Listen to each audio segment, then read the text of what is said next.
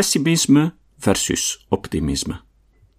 Zoals we hebben gezien kon Malthus het optimistische gedachtengoed over de overwinning van de schaarste niet delen.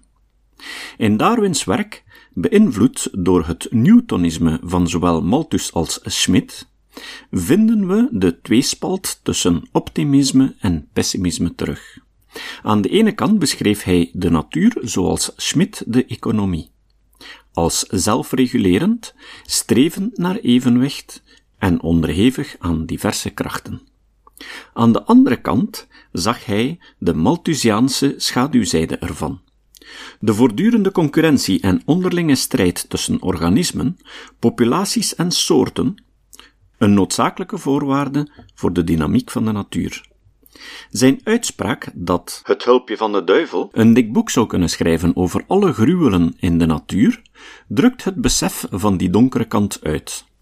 Desmond en Moore schrijven dat onder invloed van Malthus door Darwin, en in tegenstelling tot natuurtheologen als William Paley en naturalisten als Gilbert White, het gezicht van de natuur niet meer glimlachte.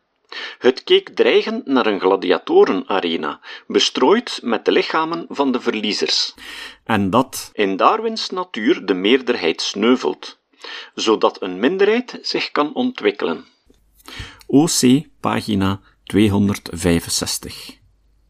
Ik vermeld hier ook Darwins vroegste uitspraak hieromtrent, die ik heb kunnen vinden in Journal of Research, 1839.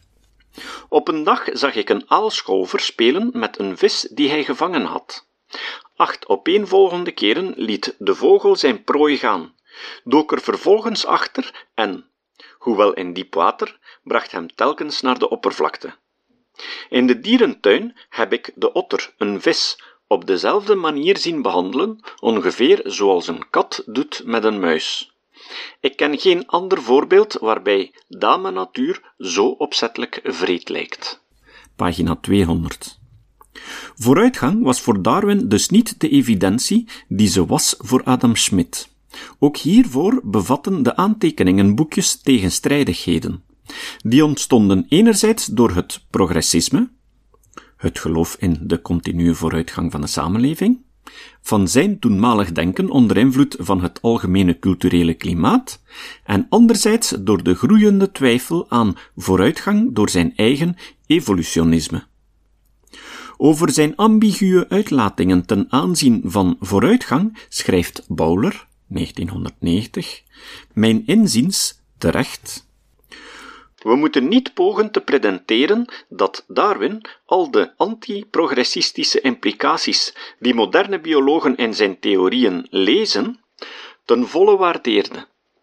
Maar evenmin moeten we hem pogen af te schilderen als de zoveelste Victoriaanse progressist die de natuur als een extensie van de burgerlijke cultuur afbeeldt.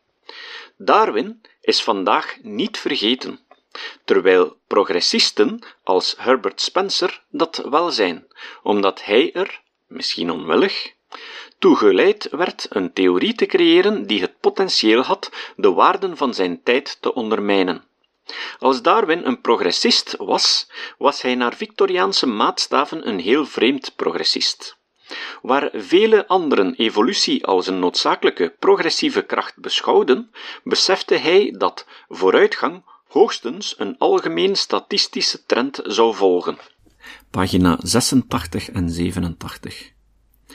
Bowlers stelling dat vele evolutionisten progressistisch bleven denken ondanks Darwins evolutietheorie, of zelfs aan de hand daarvan, wordt goed geïllustreerd door het werk van Herbert Spencer, 1802 tot 1903, en dat Ernst Haeckel 1834, 1919, zie kadertekst.